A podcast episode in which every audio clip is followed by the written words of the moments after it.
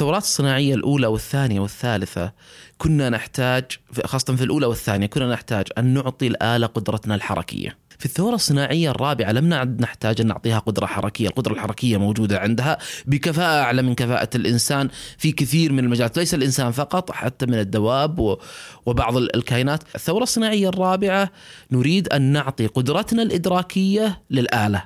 بحيث إنها تتخذ القرار وتتحرك وتتصرف بالنيابة عن الإنسان. الدول ستستفيد كثير من الذكاء الاصطناعي وفي دول لن تستفيد ولكن الدول التي لن تستفيد ستكون محدودة جدا ويمكن انتشالها بسهولة.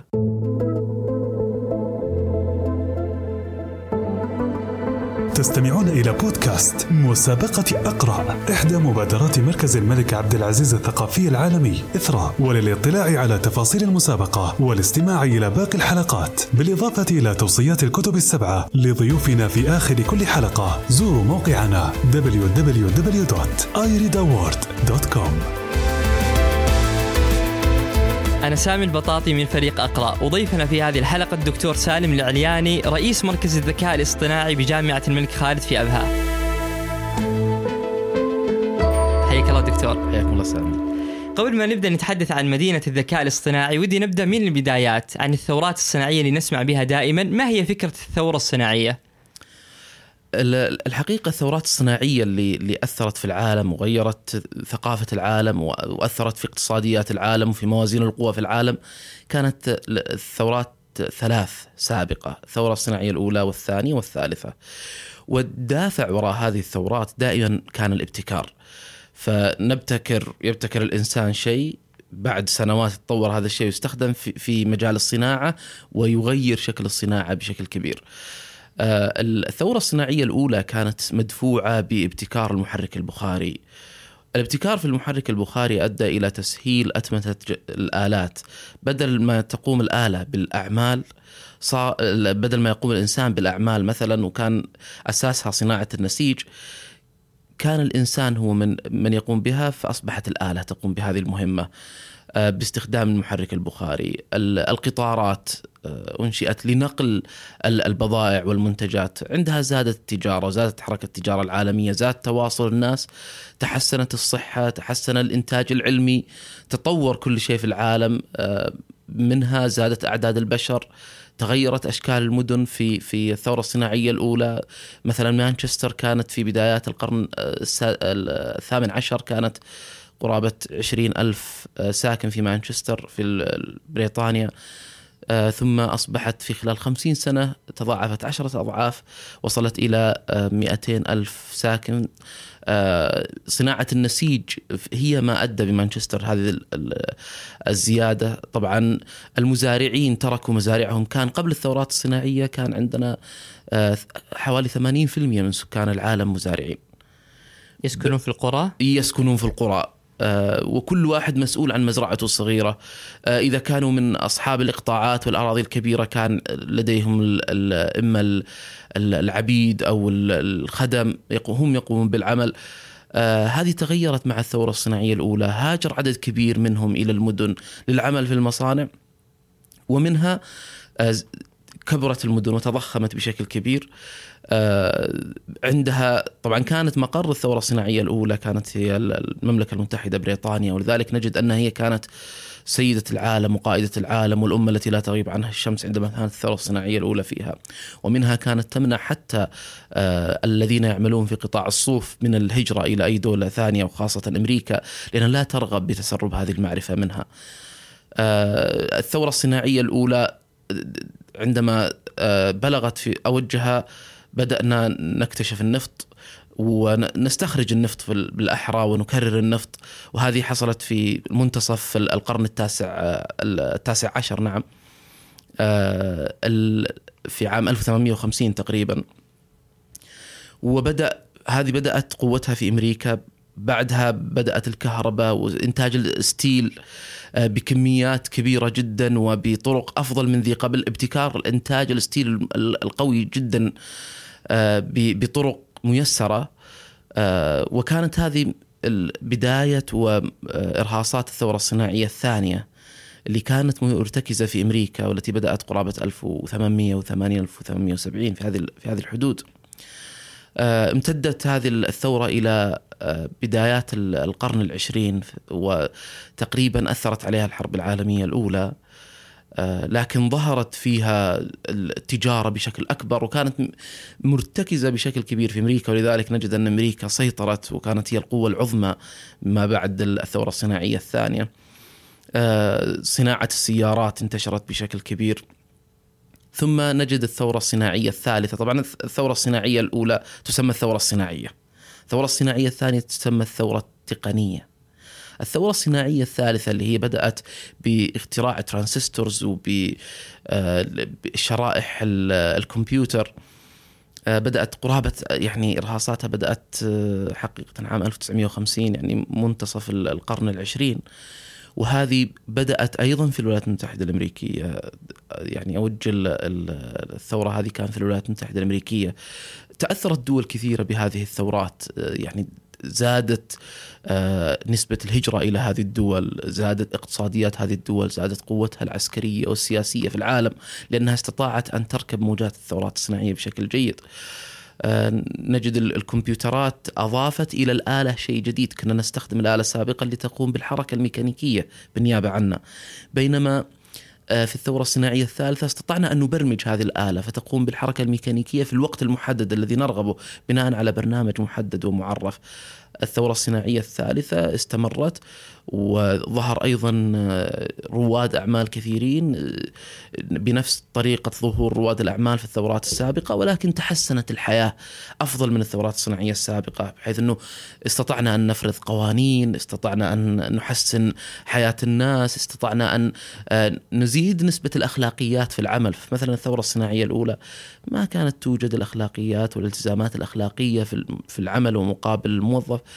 مثلها مثل الثورة الصناعية الثالثة خاصة.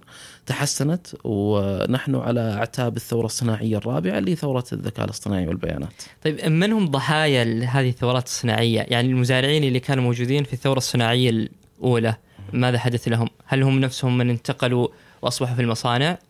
صحيح طبعا نسبة المزارعين في العالم انخفضت انخفاض شديد جدا في آه، منتصف القرن العشرين يعني 80% كانوا مزارعين الآن المزارعين في بعض الدول لا يتجاوز 2% نسبتهم وبينما أعداد البشر زادت يعني لو لاحظنا آه، إنه من من بدايات القرن نهاية القرن التاسع عشر وبداية القرن العشرين كان أعداد البشر قرابة مليار شخص، اليوم 7 مليار في 100 سنة. وش سبب هذه الزيادة؟ سبب هذه الزيادة هي تحسن الخدمات الصحية المدفوعة بتحسن الغذاء تحسن تصفية وتنقية المياه مياه الشرب. هذه كلها زادت من صحة الناس وزادت من متوسط الأعمار مما أدى إلى وزادت وقللت من نسب الوفيات وخاصة وفيات الأطفال. وهذه ما حصلت في الثورة الصناعية الأولى بشكل مباشر لأنه كانت الثورة الصناعية الأولى المتأثرين فيها المزارعين الذين انتقلوا وتركوا مزارعهم وتركوا أعمالهم في المزارع وانتقلوا إلى المصانع وجدوا حياة صعبة جدا في المدينة. لم تكن بتلك السهولة في المدن الصناعية التي ذهبوا لها. فمثلا نجد أنه طبقة اليد العاملة كانت طبقة معدمة فقيرة. نجد أن أسر كبير عدد كبير من الأسر يعيشون في منزل واحد. نجد أن البيوت لا تتمتع ب آه، مثلا وسائل التدفئة وسائل الراحة وحتى أكرمكم الله دورات المياه.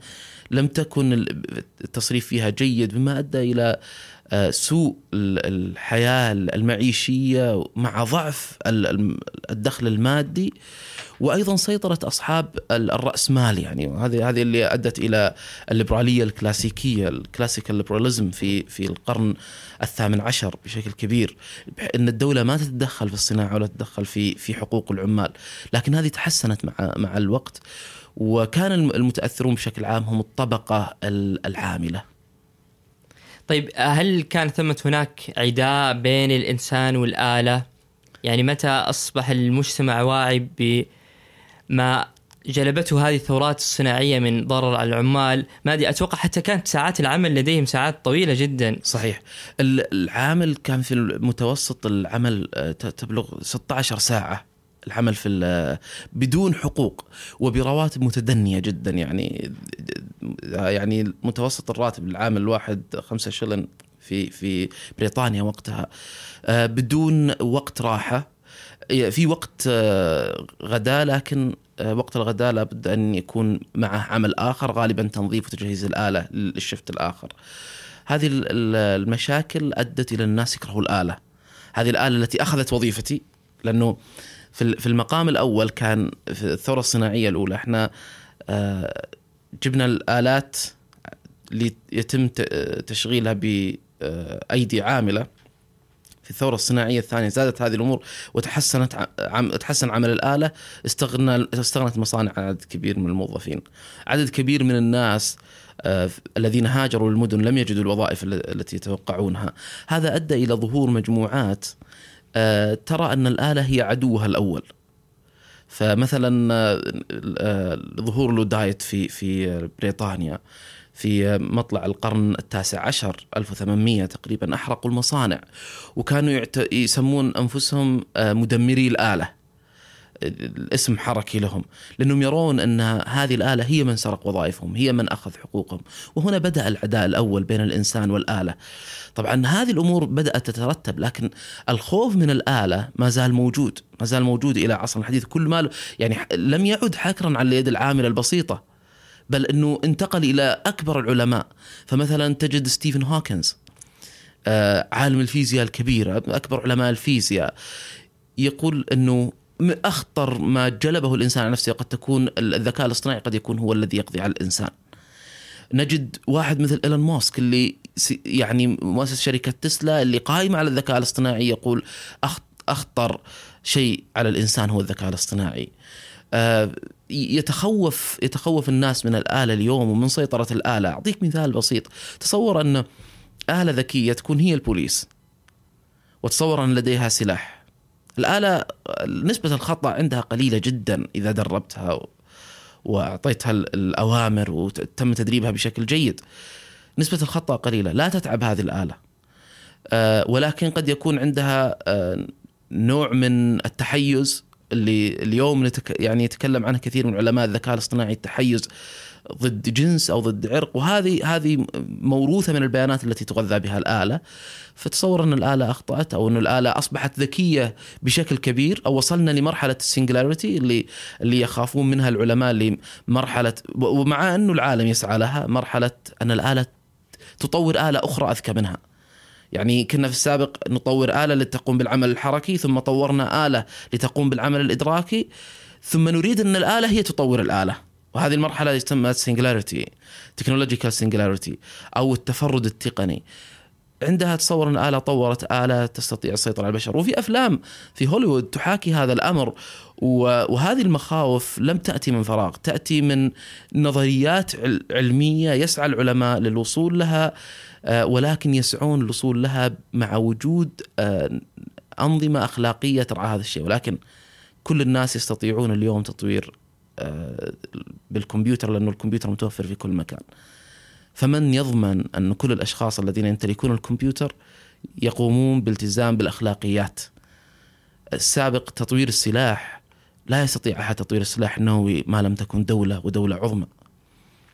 تصور أن السلاح النووي يمتلكه أي شخص تطويره كان بسهولة أنك تطوره في البيت. هنا يكمن خطر التطور التقني الذي نشهده اليوم. بالمناسبة وجود هذه الأنظمة والأخلاقيات هل ساهمت في آه، كبح عجلة الابتكار الموجودة؟ إيه طبعا هذه هذا هذا تحدي كبير أمام الدول وأمام العلماء إنه آه، كيف نبتكر في الطريق الصحيح. آه، التطور التطور العلمي آه، مفتوح الأبواب بشكل كبير. آه، عندما توضع الأخلاقيات والأنظمة تخشى بعض الدول أنها تكبح من جماح سيطرتها على الثورة الصناعية القادمة.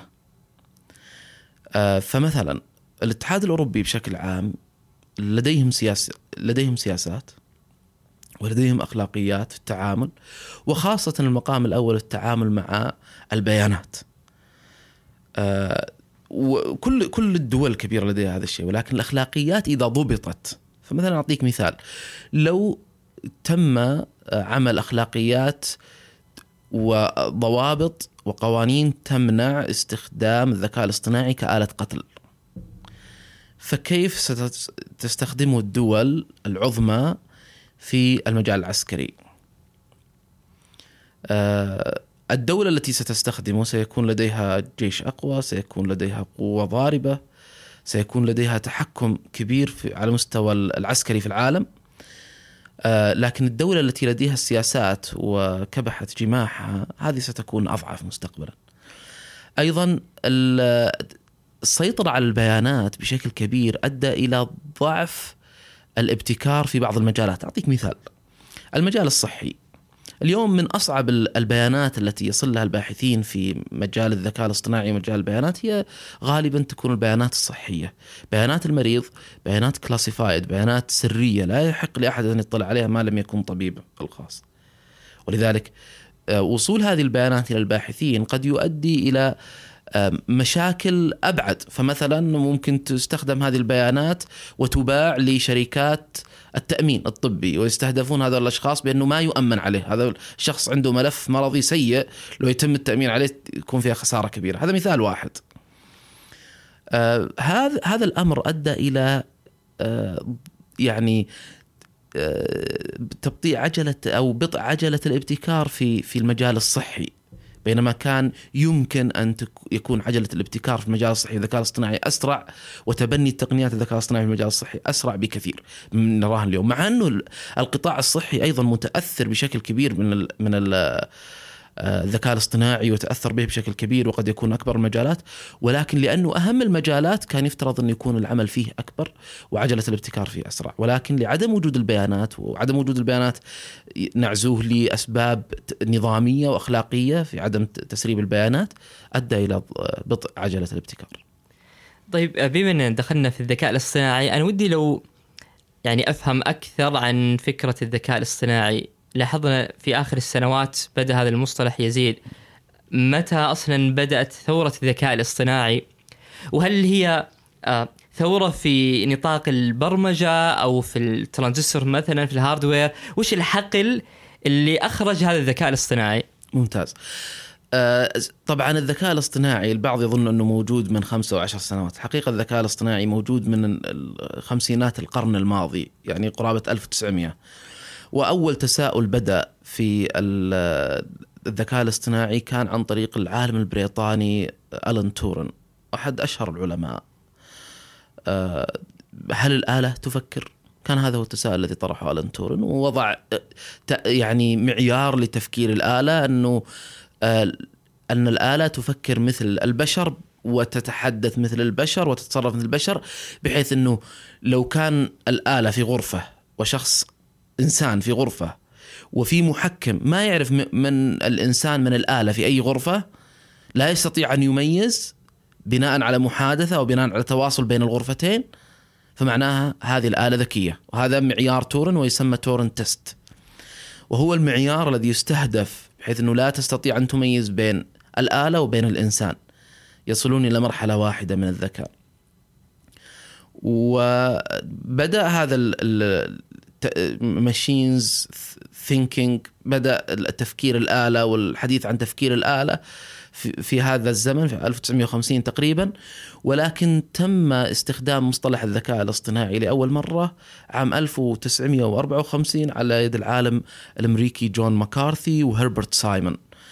آه عالمين وباحثين هربرت سايمون أحد العلماء الفائز بجائزة نوبل وأيضا فائز بجائزة تورنغ Turing Award وهي أشهر جائزة في ال computer science مجال ال computer science. وهو عالم من العلماء المتميزين وطلابه كانوا هم أساس آه، علم الذكاء الاصطناعي وانتشاره. آه، ولكنهم كانوا يرون الآلة في وقتهم يسمى ال symbolism أو الرمزية بحيث آه، نريد أن نشكل عقل للاله يشابه عقل الإنسان وبما أنه لا يوجد نظرية واضحة تحاكي عقل الإنسان بشكل واضح وبشكل دقيق وبشكل معترف به آه، وبشكل مفصل فإننا نعتقد أن كل شيء يخزن في الذاكرة ويسترجع من الذاكرة على شكل رموز.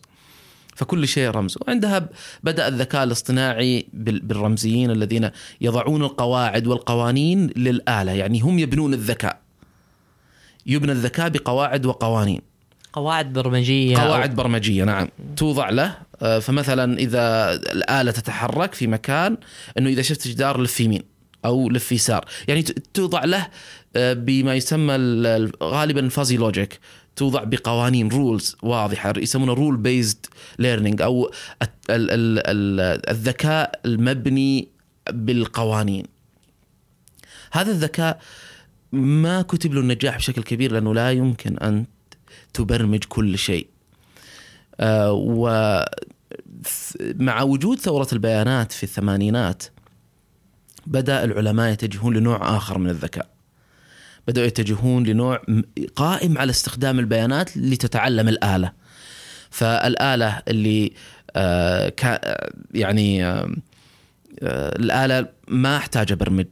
أنا محتاج أعطيها قوانين كيف تتعلم وخوارزميات كيف تتعلم. فأنا أبرمجها كيف تتعلم ولا أبرمجها كيف تفكر وكيف تكون ذكية. لا أنا أبرمج كيف تتعلم. وهي من تعلمها تقوم باتخاذ القرار وبالتفكير وب- وتصبح ذكية. وهنا بدأ علم المشين ليرنينج أو ال- ال- تعلم الآلة. هذا العلم هو الذي نراه مسيطر اليوم على كل العلوم وظهر منه في السنوات الأخيرة وتميز ما يسمى بالديب ليرنينج التعلم العميق بحيث أنه البيانات كمية البيانات عندنا هائلة بشكل كبير. يعني لاحظ المرحلة الأولى كان عندنا آه، أجهزة ضعيفة في الخمسينات إلى الثمانينات أجهزة ضعيفة يعني ليست هاي performance كومبيوتنج أو ليست عالية الكفاءة وذاكرة ضعيفة. ولم يكن عندنا بيانات فكنا نبني البرنامج بقواعد وقوانين في الثمانينات ظهرت عندنا البيانات بدأت تجمع بشكل أكبر ظهر الأنظمة ظهرت ال- الكمبيوترات الشخصية وعندها بدأنا نجمع البيانات بشكل أكبر صار عندنا بيانات ولكن البيانات لا نستطيع أن نعالجها لعدم كفاءة الك- الكمبيوترات وقتها. في التسعينات والألفينات خاصة في الألفينات ظهرت عندنا بدأت تظهر ال high performance computing بشكل موسع وأكبر أو ال- الكمبيوترات عالية الكفاءة وعندها اجتمعت العنصرين الكمبيوتر والآلة بشكل كفؤ وكبير. أعطتنا مجال إن نطور خوارزميات أكثر كفاءة. وهنا مثال عليها ال deep learning اللي هو أساسه ال neural networks، ال neural networks موجودة أيضا من الخمسينات ولكنها لم تستطيع أن تعالج البيانات لعدم وجود خوارزمية تفهم تفاصيل البيانات بشكل أكبر ولعدم وجود كمبيوتر عالي الكفاءة يستطيع أن يتحمل معالجة البيانات اللي قد تأخذ شهور وسنوات لبيانات محدودة. لكن لما صار الكمبيوتر عالي الكفاءة استطعنا في تقريبا 2011 بدأ ال deep learning يستخدم وظهرت ثورة ال deep learning اللي على أساسها أغلب أغلب ال- الذكاء اليوم آه، الصناعي الاصطناعي اللي نشوفه قدامنا من سيارات تسلا إلى سيري إلى غيرها يستخدم ال deep learning وهذا قائم على تحليل البيانات بطريقة ما واستخراج المعرفة من هذه البيانات وتغذ والمعرفة يتم عن طريقها اتخاذ القرار الأنسب. فمثلا أعطي سيناريو عليه. سيارة تسلا ماشية في الطريق. آه، تأخذ الصورة، الصورة هذه هي البيانات. تعطيها الكمبيوتر اللي عندها وتحلل هذه الصورة. تحلل هذه الصورة باستخدام الخوارزمية deep learning. تحلل الصورة توجد جميع الكائنات الموجودة في الصورة، توجد الشارع، توجد البشر الموجودين، توجد الأشجار، تحدد كل شيء في الصورة. وتفهم هل الطريق سالك أمامها أم غير سالك؟ أين يقف الإنسان؟ هل يعترض طريقها؟ طيب اتجاه الإنسان الآن وسرعة حركته هل يمكن أن يكون أمامي في طريق في لحظة ما؟ على أساسها تبدأ تتخذ القرار ثم تعطي الآلة الأوامر إنه لا والله توقف، لا والله زد سرعتك، آه، آه، غير المسار وهكذا. ومستفيدة من حجم البيانات السابق اللي حتبنت هذا الذكاء صحيح. فهي أشبه بنقل إدراكات الإنسان وقدراته كالتعلم مثلا و... والريزونينج إلى الآلة بحيث أنها تستطيع أن تتصرف مثل صحيح. تصرف الإنسان صحيح في الثورات الصناعية الأولى والثانية والثالثة كنا نحتاج خاصة في الأولى والثانية كنا نحتاج أن نعطي الآلة قدرتنا الحركية لتقوم بأعمال حركية. الثورة الصناعية الثانية آه، الثالثة عفوا آه، أردنا أن نعطيها نوع من الأوامر. الأو... هذه الأوامر آه، تحدد آه، متى تتحرك الآلة ومتى تتوقف. في الثورة الصناعية الرابعة لم نعد نحتاج أن نعطيها قدرة حركية. القدرة الحركية موجودة عندها بكفاءة أعلى من كفاءة الإنسان في كثير من المجالات. ليس الإنسان فقط حتى من الدواب و- وبعض ال- الكائنات. في الثورة الصناعية الرابعة الثورة نحتاج الصناعية الرابعة هي اللي الذكاء الاصطناعي اللي بدأت تقريبا 2014 آه، الذكاء الاصطناعي والبيانات هي قائمة على هذا الشيء. الثورة الصناعية الرابعة نريد أن نعطي قدرتنا الإدراكية للآلة. بحيث أنها تتخذ القرار وتتحرك وتتصرف بالنيابة عن الإنسان. وهذا نحتاجها بشكل كبير لأنه عندنا كم بيانات هائل وعندنا تطور في, في الاقتصاد وتطور في المعرفة وزيادة في عدد البشر. لا نستطيع لا يستطيع الإنسان أن يقوم بكل المهام منفردا ولا يستطيع أن يقوم بكل المهام بدقة عالية مثل دقة الآلة. الإنسان يتعب الإنسان آه، عنده تحيز cognitive bias إدراكي موجود في الإدراك آه، بشكل واضح. الآلة لا يوجد لديها لا تتعب لا تتحيز. قد تخطئ ولكن مع تطور التقنيات تتحسن آه، طريقة عمل الآلة وتتطور. قارن الآن مثلا السيارات الموجودة عام 1900 بالسيارات الموجودة ال- 2000 قارن السيارات الموجودة 1950 بالسيارات الموجودة 2020 في تطور كبير وهذه الآلة ستتطور بحيث أنها ستصبح أك- أكثر كفاءة وأكثر يوما بعد يوم. إلى أي درجة يمكن الاعتماد عليها؟ أذكر على ذكر تسلا قرأت خبر قبل سنة يعني ارتكبت سيارة ذاتية القيادة حادث تسبب بوفاة صاحبها. فإلى أي درجة يمكن نعتمد على الآلة في اتخاذ القرارات اللي كنا نملكها. والله إلى اليوم ما زالت ال- ما زال ال- زالت الآلة في مرحلة مبكرة من عمرها ال- الآلة الذكية. آه، ما زالت في مرحلة مبكرة جدا جدا من عمرها. يعني هي في مرحلة الإنسان الحجري. مقارنة بما تصل إليه ولكن سرعة تطورها أكبر بكثير. الأخطاء ترتكب من الآلة. أعطيك مثال بسيط. آه، أمازون قبل فترة عندهم نظام توظيف. وجدوا أن نظام التوظيف متحيز ويوظف ويعطي ويت أكبر ويعطي برايورتي أكثر وأولوية لل- للرجل على ضد المرأة. آه، هذا طبعا ما ما جت عبث هي غذيت ببيانات عشر سنوات من آه، من قاعدة بيانات آه، أمازون آه، للتوظيف. وقاعدة بيانات أمازون للتوظيف تحوي معلومات موظفي أمازون وسيرهم الذاتية وغيرها آه، مما أدى إلى أنها تأخذ بعض المعلومات. وجدت أن أمازون تميل للرجل 73% من موظفي أمازون رجال. فكانت الآلة تحاول أن تحاكي تصرف الإنسان في هذا التصرف. ولذلك أوقفت عام 2017 وأعلنوا عنه قبل تقريبا ثلاثة أو أربع شهور إنه كان في نظام موقف. التحيز موجود، التحيز مثلا في نظام ال- ال- القضائي الأمريكي اليوم اللي يستخدم لمساعدة القاضي على تحديد من سيقوم بارتكاب جريمة، إذا جاء متهم وفي آه، إخلاء سبيل مشروط، هل يوافق القاضي أو لا يوافق؟ تعطى بعض المعلومات. وجدوا انه يتحيز ضد السود أك- أكثر من غيرهم من الأعراق. وهكذا. ليه؟ لأنه الإنسان سابقا متحيز. والبيانات التي غذيت له متحيزة بطريقة أو بأخرى. فالآلة أيضا ستحاكي حتى عيوب الإنسان. حتى تحاكي عيوب الإنسان. جميل. تحاكي. طيب هل مدن الذكاء الاصطناعي هي نفس المدن الذكية؟ المدن الذكية قائمة في الأساس على استخدام التقنية. آه، المدن الذكية لها آه، مكونات محددة مثلا ال- النقل الذكي آه، الصحة الذكية التعليم الذكي ال- الطاقة الذكية ال recycling أو التدوير الذكي ال municipality الأمانات البلديات الذكية وهكذا. آه، تستخدم ال internet of things انترنت الأشياء ال sensors الحساسات لقياس وضع المدينة لمعرفة كل شيء يصير في المدينة لمعرفة كل حركة تستخدم حتى الجوالات ال- التي في جيوبنا والساعات ال- ال- الذكية التي عندنا. الذكاء في المدينة في عندما نقول smart cities ليس هو نفسه الذكاء الاصطناعي اللي هو artificial intelligence.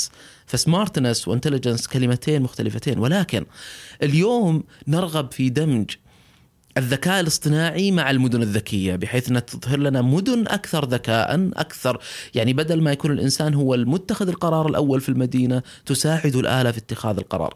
أعطي مثال على هذا حتى نقارب الأمر. لو وجدنا أنه التكاسي العادية القديمة اللي كانت في شوارعنا اللي بتوقف على الشارع وتطلب تاكسي أو تبحث عن تاكسي في الشارع هذه مدينة تقليدية عادية هذه من الثورة الصناعية الثانية والثالثة موجودة. ولكن نجد أن مثلا سيارة آه أوبر مثلا أو شركة أوبر أو كريم أو غيرها من الشركات ال- النقل اللي تستخدم اليوم عن طريق الجوال. نجد أن هذه هي المدن الذكية. آه، تطلب من جوالك آه، تركب السيارة يتجه السائق بدون أن تخبره بدون أن تتحدث معه ينزلك في المكان اللي بغيت وما تتكلم معه وتنزل من السيارة وتخصم من حسابك. هذه مدينة ذكية. هذه سيارة ذكية. هذا نقل ذكي. أوبر تعرف عنك كل شيء. تنقلك وين رحت آه، كل شيء صار. تعرفه أوبر. آه، أوبر توظف ثلاثة مليون شخص. سائق. طيب الذكاء الاصطناعي إيش راح يفيدنا في هذا الأمر؟ الذكاء الاصطناعي لن يحتاج لسائق. والثلاثة ملايين وين راح ثلاثة ملايين هذولا هم مشكلتهم في الوظيفة الآن نأتي نتحدث عن المشاكل الوظيفية التي ستحدث. نحتاج تطوير مهاراتهم. في وظائف أكثر ستخلق في الذكاء عصر الذكاء الاصطناعي. وظائف أكثر. يعتقد أنه إلى 2022 أو 23 سيختفي مليون و800 ألف وظيفة. بينما ستظهر مليونين وثلاثمية ألف وظيفة جديدة. إذا عدد الوظائف ولكنها تحتاج مهارات أخرى. فمثلا سائس ال- الخيل. المهارات التي يحتاجها ليكون قائد سيارة آه، أكثر من المهارات اللي يحتاجها مثلا لسائس خيل مثلا آه، اللي تحتاجها كميكانيكي أكثر من يحتاجها الاهتمام بالدواب. وهكذا. لذلك المهارات قاعدة تتطور معنا مع الزمن. ولذلك نحتاج نطور مهاراتنا. فالآن الذكاء الاصطناعي في أوبر سيدمج ويجعل الآلة تتحرك ذاتيا. بحيث إنك تطلب السيارة سيارة بدون سائق تأتيك وتنقلك المكان اللي بغيت. هذا هو هذه مرحلة الذكاء الاصطناعي. وهذا هو الفرق بينها وبين المدينة الذكية. هل في مدن نشهدها أو سنشهدها ممكن تصنيفها كمدن ذكاء اصطناعي؟ أعتقد أول مدينة آه، تسعى لأن تكون مدينة ذكاء اصطناعي هي مدينة نيوم المملكة العربية السعودية. لا أعرف مدينة أخرى في العالم ت- تقول أنا مدينة ذكاء اصطناعي. في مدن ذكاء مدن ذكية تسعى لأن تكون مدن ذكية. في مثلا في كانساس في أمريكا دبي بعض المدن التي تجد التقنية في كل مكان تجد الحساسات في كل مكان تجد ال- ال- العالم كله متصل بشكل كبير. المستشفيات الم- المدارس آه، كل شيء متصل. آه هذه مدن ذكية. ولكن مدن الذكاء الاصطناعي لا أعرف إلا اليوم. أنا أعتقد إنه كثير من المدن الذكية مؤهلة إنها تكون مدن ذكاء اصطناعي أسهل. أو المدن الجديدة مثل اليوم التي تبنى بفكر الذكاء الاصطناعي بشكل مباشر وصولها لمدن ذكاء اصطناعي راح يكون أسهل بشكل كبير. ما تخشى تزداد اتساع التباين بين البشر بفعل الذكاء الصناعي؟ يعني أذكر دائما أنا أتخوف من الديستوبيا اللي تنبأ بها أحمد خالد توفيق إن العالم يصبح جزئين. عالم مصور مطور بالكامل في أحدث التقنيات وعالم آخر تماما في الحضيض. فما تخشى من اتساع التباين بفعل قد قد يحدث قد يحدث. الدول التي لم تدخل موجة الذكاء الاصطناعي تأخرت موجة ال- ال- الثورات الصناعية السابقة تأخرت كثير على العالم. نجد ما زالت بعض ال- القرى والهجر في آه، أمريكا اللاتينية وفي إفريقيا مثلا في وسط آسيا تعيش في آه، القرن الثالث عشر. لا أستبعد أنه كثير من المدن أيضا تتخلف عن موجة الذكاء الاصطناعي الموجة القادمة ثورة الذكاء الاصطناعي والثورات القادمة. ولكن أتوقع أنه تبنيها أسهل. تبنيها أسهل لوجود الإمكانات. أعطيك مثال على وجود الإمكانات. سابقا كنت إذا تحتاج تصنع شيء تحتاج تكون عندك مصنع. ما بالك لما يكون شيء متقدم و advanced مرة. اليوم بال 3D printer بامكانك تطبع. بالطابعه ثلاثية الأبعاد ممكن تطبع أي شيء. ممكن تنزل التصميم من النت وتطبعه مباشرة عندك. آه، بإمكانك أن تستخدم آه، في السابق لما تحتاج كمبيوتر عالي الكفاءة تشتري كمبيوتر غالي جدا ب 40 50 70 ألف مثلا 100 ألف عشان يكون عندك كمبيوتر عالي الكفاءة مناسب لك ولبعض أعمالك. اليوم لا بإمكانك تشترك مع Amazon AWS أو مع Microsoft Azure وبأقل التكاليف تعمل لك أكبر server وتقوم بأعمالك بل وتختار الموديل مباشرة. في السابق إذا بغيت تعمل تطبيق حتى ذكاء اصطناعي متقدم جدا كان صعب. اليوم TensorFlow مجانية من جوجل ومفتوحة المصدر للكل. آه، من فيسبوك أعلنت عن آه، إتاحة أحد أهم آه، تطبيقاتها الذكاء الاصطناعي للخرائط ودراسة الطرق.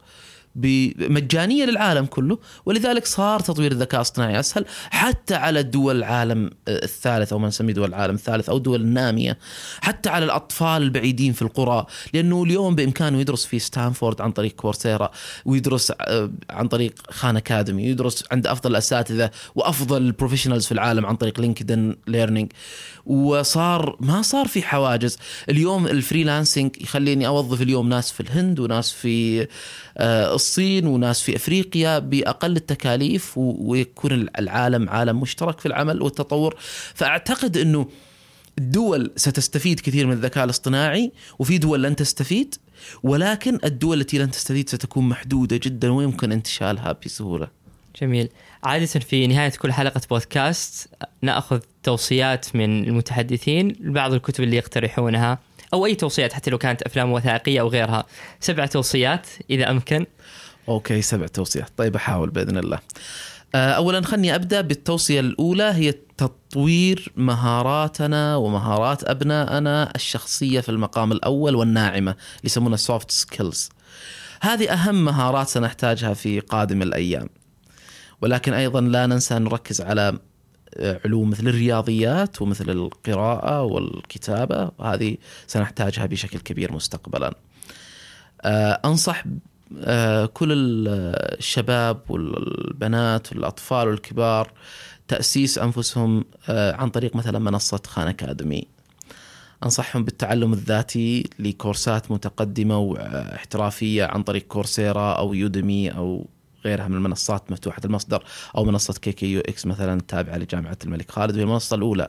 في المملكة العربية السعودية وعليها course للذكاء الاصطناعي لكل الناس قدمته في هذه المنصة وفي course قادم إن شاء الله. إن شاء الله ما يكون إعلان بس لا لكن جيد المنصه راح يكون course الذكاء الاصطناعي للمبرمجين. نعلم المبرمجين كيف يستطيعوا تطوير تقنيات الذكاء الاصطناعي بأسهل الطرق وباقل التكاليف. ليس بالضرورة أن يكون لديه خلفية ذكاء اصطناعي فقط يكون مبرمج مبتدئ أو نص ونص وإن شاء الله يتعلم بإذن الله. آه الكتاب مثلا أنصح بقراءته. AI Superpower كمبيوت superpower هذا ل امريكي من أصل صيني آه اسمه آه كاي آه فو لي هذا أحد ال ال عنده دكتوراه في, في ال artificial intelligence في الذكاء الاصطناعي ولكنه أيضا عمل في ال business في الصين وفي أمريكا وتحدث عن كيف بدأ السوق الصيني ينافس السوق الأمريكي بشكل كبير. آه أنصح ب آه كتاب آه يعني آه الكتاب اسمه Singularity Is Near ل راي كورزويل وهو كبير المبرمجين في في جوجل كبير المهندسين عفوا في جوجل وهو futurist ويتحدث عن مستقبل الذكاء الاصطناعي وكيف وما هي ال singularity وكيف سيكون شكل الذكاء الاصطناعي بشكل العالم. هذا أحد المصادر الجيدة اللي أنصح فيها. آه أنصح بكتاب مثلا اسمه Create a Mind أو خلا يعني صناعة العقل. وهو يحكي كيف نصنع عقل مثالي للآلة أيضا في هذا المجال. ف بقي التوصيتان آه توصيتان. okay. كله كان قلت لي قبل كان جهزت بعض ال resources لكن طيب. لو في أفلام مثلا وثائقية تعرفها؟ yes, yes في مث... أفلام وثائقية أنصح فيها. الفيلم الوثائقي الأول آه، فيلم رائع آه، اظنه من إنتاج البي بي سي إذا ما خانتني الذاكرة أو History 2 المهم إنه اسمه The Men Who Created America الرجال الذين آه، صنعوا أمريكا أو خلقوا أمريكا ويتحدث عن فترة وحقبة رائعة جدا بشكل درامي رائع جدا مدته ثمان ساعات لكن مقسم على أربع حلقات تقريبا. في فيلم وثائقي ثاني موجود على Netflix آه، ل Inside Bill's Brain ويتكلم عن داخل عقل بيل جيتس فيلم رائع جدا. آه، في آه، في فيلم في فيلم من هوليوود اسمه Eagle Eye وأنصح أيضا بهذا الفيلم. أتوقع إنه كثيرين شافوا هذا الفيلم لكنه من الأفلام الجميلة اللي يعطيك كيف ممكن تكون supremacy أو سلطه الكمبيوتر على الإنسان. ومن أفضل الأفلام اخراجا وألف وفيلم يمكن أن يكون حقيقة يعني. ممكن أحداثه تصير. البعض يرى إنه sci آه، fi أو science fiction لم يصبح science fiction كما كما كنا ننظر له. لا صار قريب يعني ممكن تتم قريب. شكرا للدكتور سالم استمتعت بالحديث معك وشكرا لوجودك معنا. حفظكم الله. أنا أتشرف بوجودي معكم وأشكركم جدا. كنتم تستمعون إلى بودكاست مسابقة أقرأ إحدى مبادرات مركز الملك عبد العزيز الثقافي العالمي إثراء وللاطلاع على تفاصيل المسابقة والاستماع إلى باقي الحلقات. بالإضافة إلى توصيات الكتب السبعة لضيوفنا في آخر كل حلقة زوروا موقعنا www.ireadaward.com وشاركوا الحلقة لأصدقائكم. كما نرحب بآرائكم وتوصياتكم السبع على هاشتاج مسابقة أقرأ.